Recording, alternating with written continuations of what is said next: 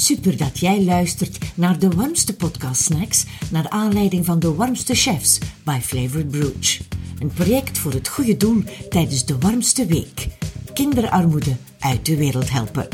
Ook Satellite Gourmet draagt haar steentje bij en helpt mee het project in Brugge te promoten.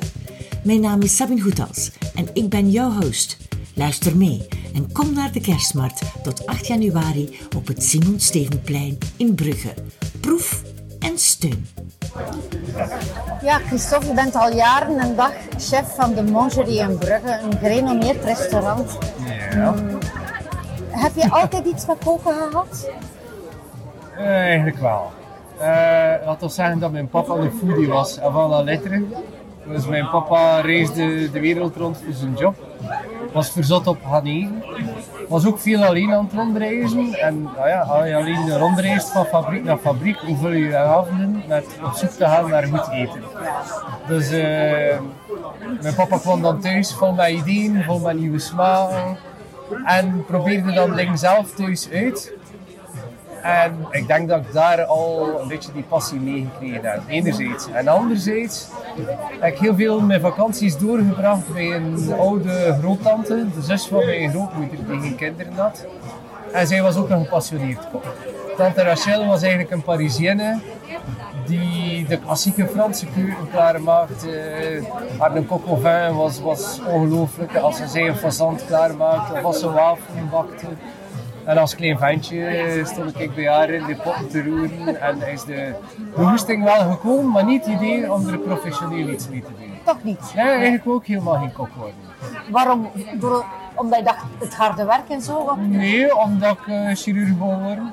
dat was mijn droomjob.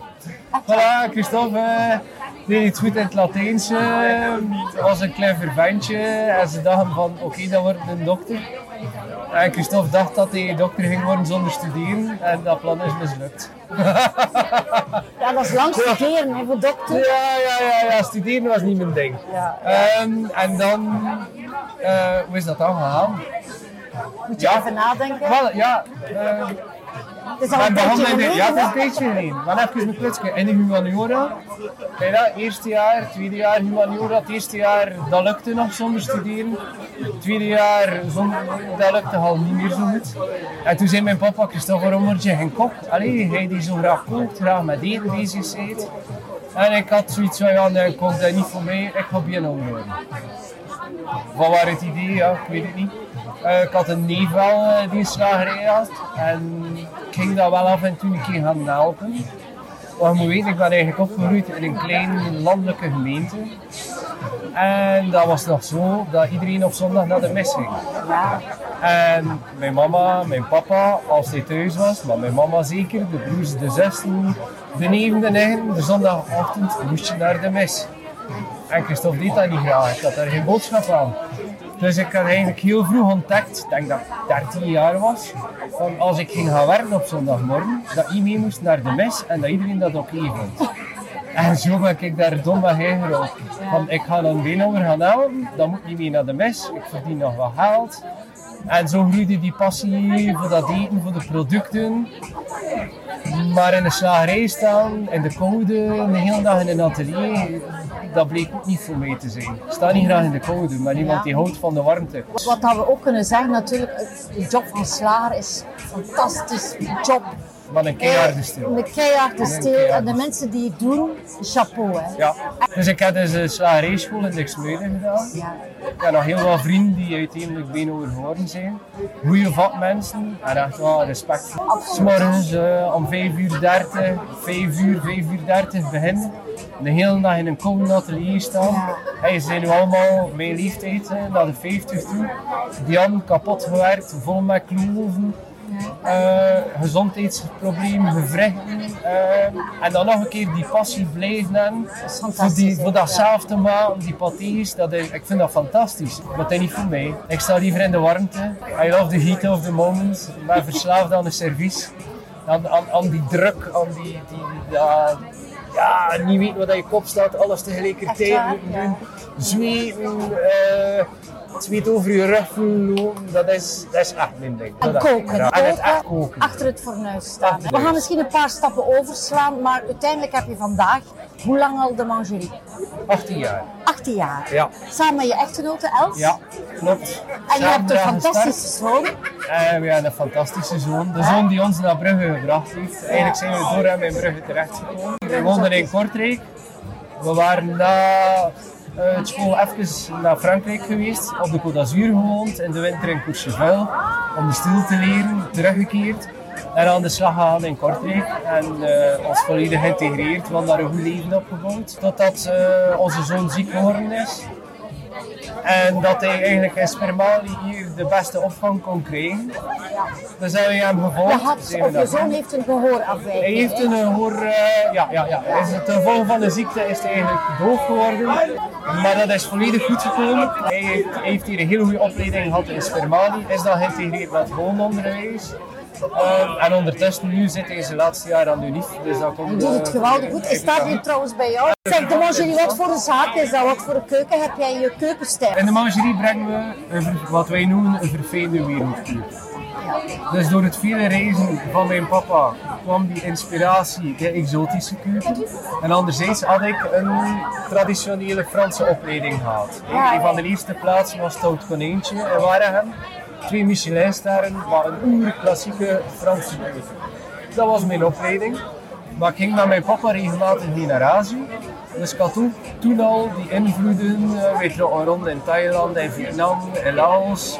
Ik spreek over het jaar 88, 89. Eh, dus die smaken zaten wel in mijn kook-DNA. Ik wou daar iets mee doen. En toen we naar Brugge gekomen zijn en hier onze zaak gestart hadden, was zoiets, we moeten iets doen dat de anderen niet doen. En dat was in die tijd in Brugge wereldkuur. Toen dat wij begonnen hier 18 jaar geleden, ik serveerde geen aardappelen.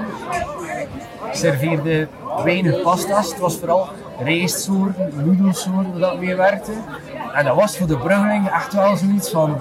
Allee, kan ik hier geen kroketje krijgen bij mijn vlees? Ik zei, ja, nee, nee, dat is niet, dat is niet wat dat wij doen. Het was een beetje zoeken in het begin, voor ons en voor de Bruggeling, om elkaar te vinden. Maar dat is eigenlijk heel snel gegaan. Eh, we hebben heel snel een goede review gehad in de Knapmagazine, in de Libel. En dan hebben we het grote geluk gehad van in het eerste jaar, denk ik, zijn Philippe en Mathilde komen nemen. Die hadden via via gehoord in de margerie, dat is al wat tof. En dat heeft een enorme boost gegeven aan de zaak. En heeft enorm vertrouwen gegeven bij de mensen om ons te volgen in dat wereldkeuken verhaal. Ja. Om te zeggen, oké, we gaan iets gaan eten dat we niet kennen. De meeste namen begrijpen we niet die op de kaart staan. Maar we doen dat. En we hebben dat tien jaar alleen gedaan, Els en ik. Ik in de keuken alleen, zij in de zaal alleen. Juist een halftime die kwam uit Navas, dus dat was echt een bistro keuken. Dat was een wok op grote vuren, eh, drie verschillende woks klaarmaken, een, een, een risotto klaarmaken tegelijkertijd, maar dan ook weer op een andere manier, een laksa-soep die stond te prutten. Het was eigenlijk zeer basic, maar zeer op smaak. En heel geleidelijk aan zijn we daarin gegroeid, is het team gegroeid, zijn we gaan verfijnen, zijn we proberen te blijven die focus houden op die smaak, maar zijn we opgeschoven van producten van over de wereld gaan invoeren en naar hier brengen. Dan zijn we eigenlijk meegegaan in dat verhaal van lokale keuken, lokale producten, maar nog altijd met mijn DNA, dat exotisch in smaakbeleving, dat, dat vakantiegevoel oproepen op je bord, maar zonder producten te gaan, gaan zoeken op een andere plaats en gaan kijken wat kunnen we zo dicht mogelijk bij een lokale producent vinden en hoe kunnen we daar toch heel beperkt onze twist aan geven, zodanig dat toch mangerie DNA blijft komen. Ja. En dat is, ja, dat is ook weer een groeiproces geweest van, ik zou zeggen, de laatste acht jaar zijn we als team eh, enorm geëvolueerd daarin. Ja. Ook dankzij andere chefs, dankzij goede contacten, chefs die graag hun kennis delen. Coquette heeft een hele grote rol gespeeld in dat verhaal voor ons ook. Tien jaar Coquette, het foodfestival Tien jaar. Coquette. Tien jaar geleden kwamen wij erbij op Coquette als een beetje een outsider. een groentje. outsider. En tien, allee, een groentje, we waren al lang bezig. Ja, ja, maar een maar outsider. Een outsider. En geleidelijk kan in dat contact, ik ben ook wel iemand die heren babbelt, weet dat, en gemakkelijk babbelt. Um, goede contact met andere chefs. En ik begin samenkoken, naar samenkoken En, en, en je hebt die kruisbestuiving dat je krijgt. ik weet nog goed, ik ging een keer, ging een keer met Bruno van Brut bij Willem Hiele thuis gaan koken. En we allemaal samen dingen aan het klaarmaken. En ja, ik weer mijn, mijn, mijn Aziatische tour op. En ik vraag aan Willem, ik zeg, heb je geen in huis? Ja, Willem, hoe kom je hier nu mee af? Fischsaus, ben ik niet, maak ik dat zelf van fermenteerde champignons. Dat helemaal uitgelegd en dat samen gedaan. Dus op Cookieet, de chefs werken meer en meer samen, beginnen elkaar te inspireren, maar beginnen ook meer en meer receptjes te delen.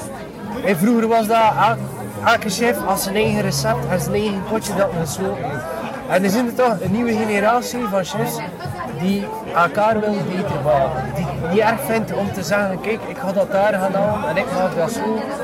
En op die manier maken we elkaar eigenlijk sterker. En ik denk dat ik wel een van die chefs ben die daar maximaal van geprofiteerd heeft. Ja. Die, die gemakkelijk babbelt met een ander. Die en ook aanstuurt, denk ik. Hè? Je bent de goede motor, denk ik ook. Ik ben iemand die graag mensen samenbrengt. Ja, want dat is nu weer het geval. Ja. Met de warmste week. Vanessa wel... heeft het gezegd in de eerste aflevering. Ja. Dat, ja, Christophe de Pre zegt ze, van de Mongerie had een fijn idee. ja, wel. Christophe de Pre natuurlijk niet alleen. Nee, maar hoe kwam je erbij? Vertel De laatste dag van Coquet. Ja.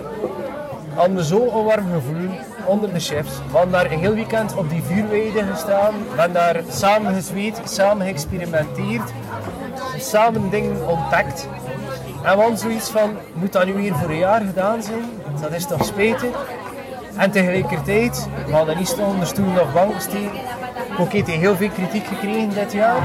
En dat heeft ons alleen een extra drive gebracht. Dat is zoiets van, ja nee, we moeten hier tonen dat we dat we hier niet zijn om zomaar poen te schatten, dat we hier zijn om, om, om onze gastronomie uit te dragen en soms een keer tegen de stroom in te durven uh, gaan. Maar hoe? Doe je dat?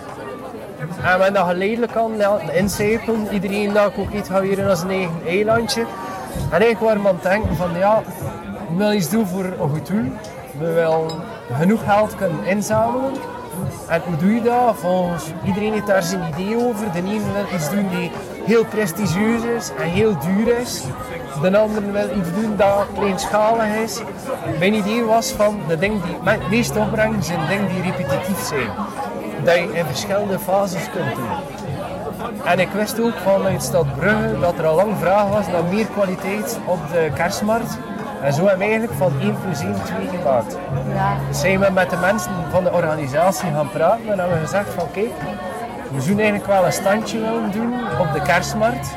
Met verschillende copains, koks. Uh, we weten nog niet juist wel, maar is die mogelijkheid er? En ze hebben heel snel teruggekoppeld van Christophe, tof idee. Oké, je mag dat doen, wij gaan dat faciliteren. Maar het is 42 dagen kerstmarkt. Je moet 42 dagen die container vullen. En dat was wel even zo. Van het een of het ander. Het is al... Waar zijn we aan begonnen? Ja, ja maar vlug.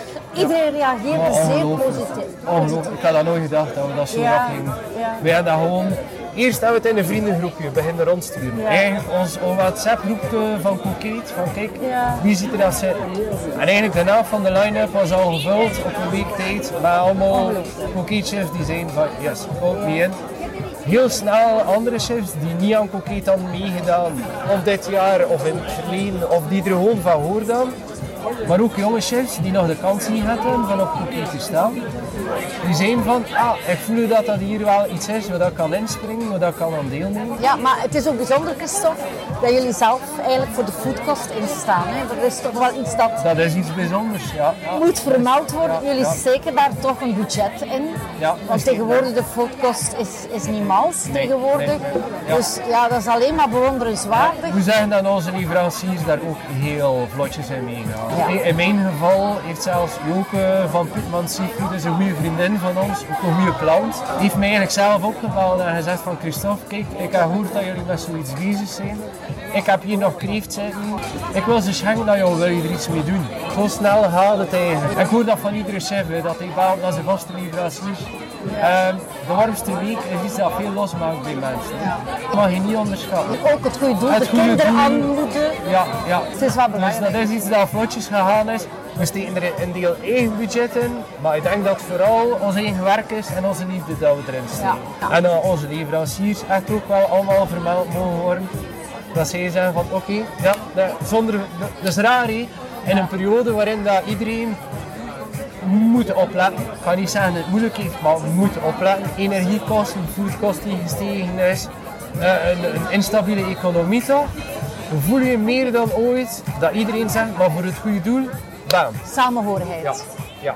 In uh, de eerste lockdown ook vond ik. Dat was ongelooflijk. Die warmte van de mensen die, die dat medevoelen dat er was van ah, jullie moeten nu een restaurant sluiten en, en hoe gaan jullie dat doen?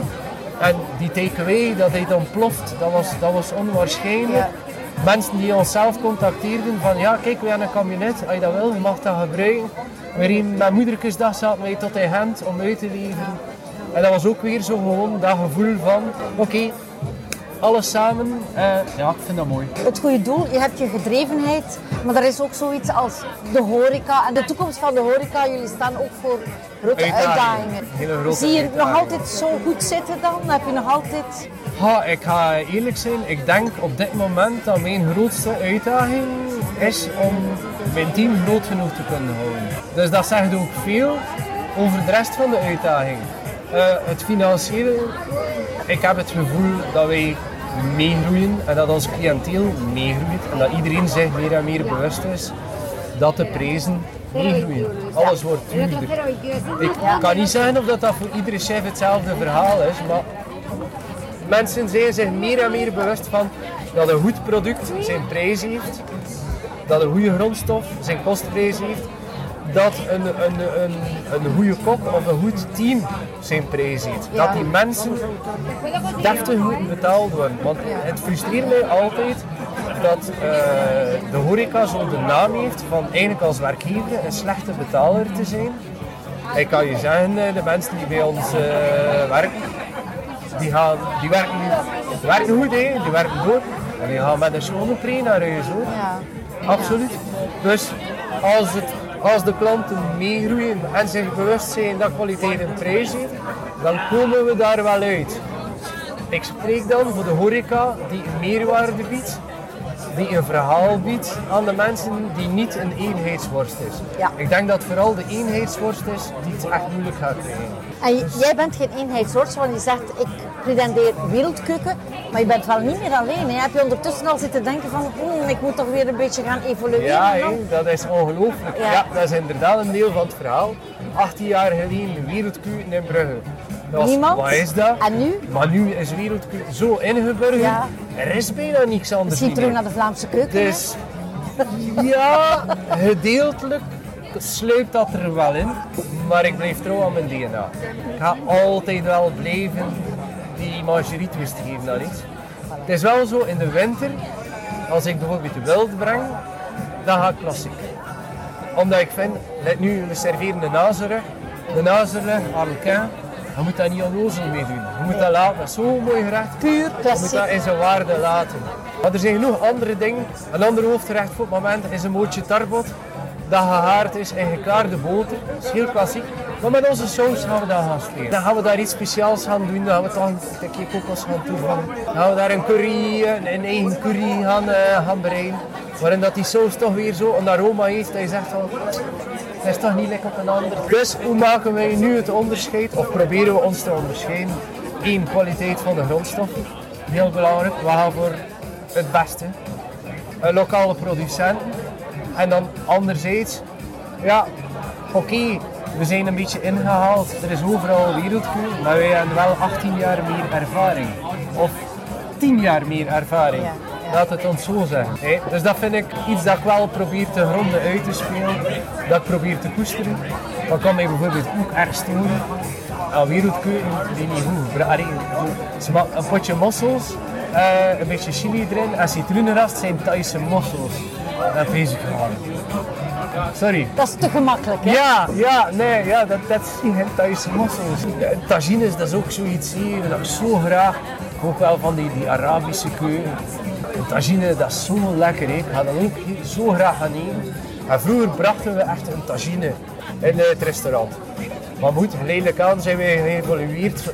De mensen voor drie hangen, of vier hangen, vijf hangen zitten we nu al. Kun je geen tagine mee serveren.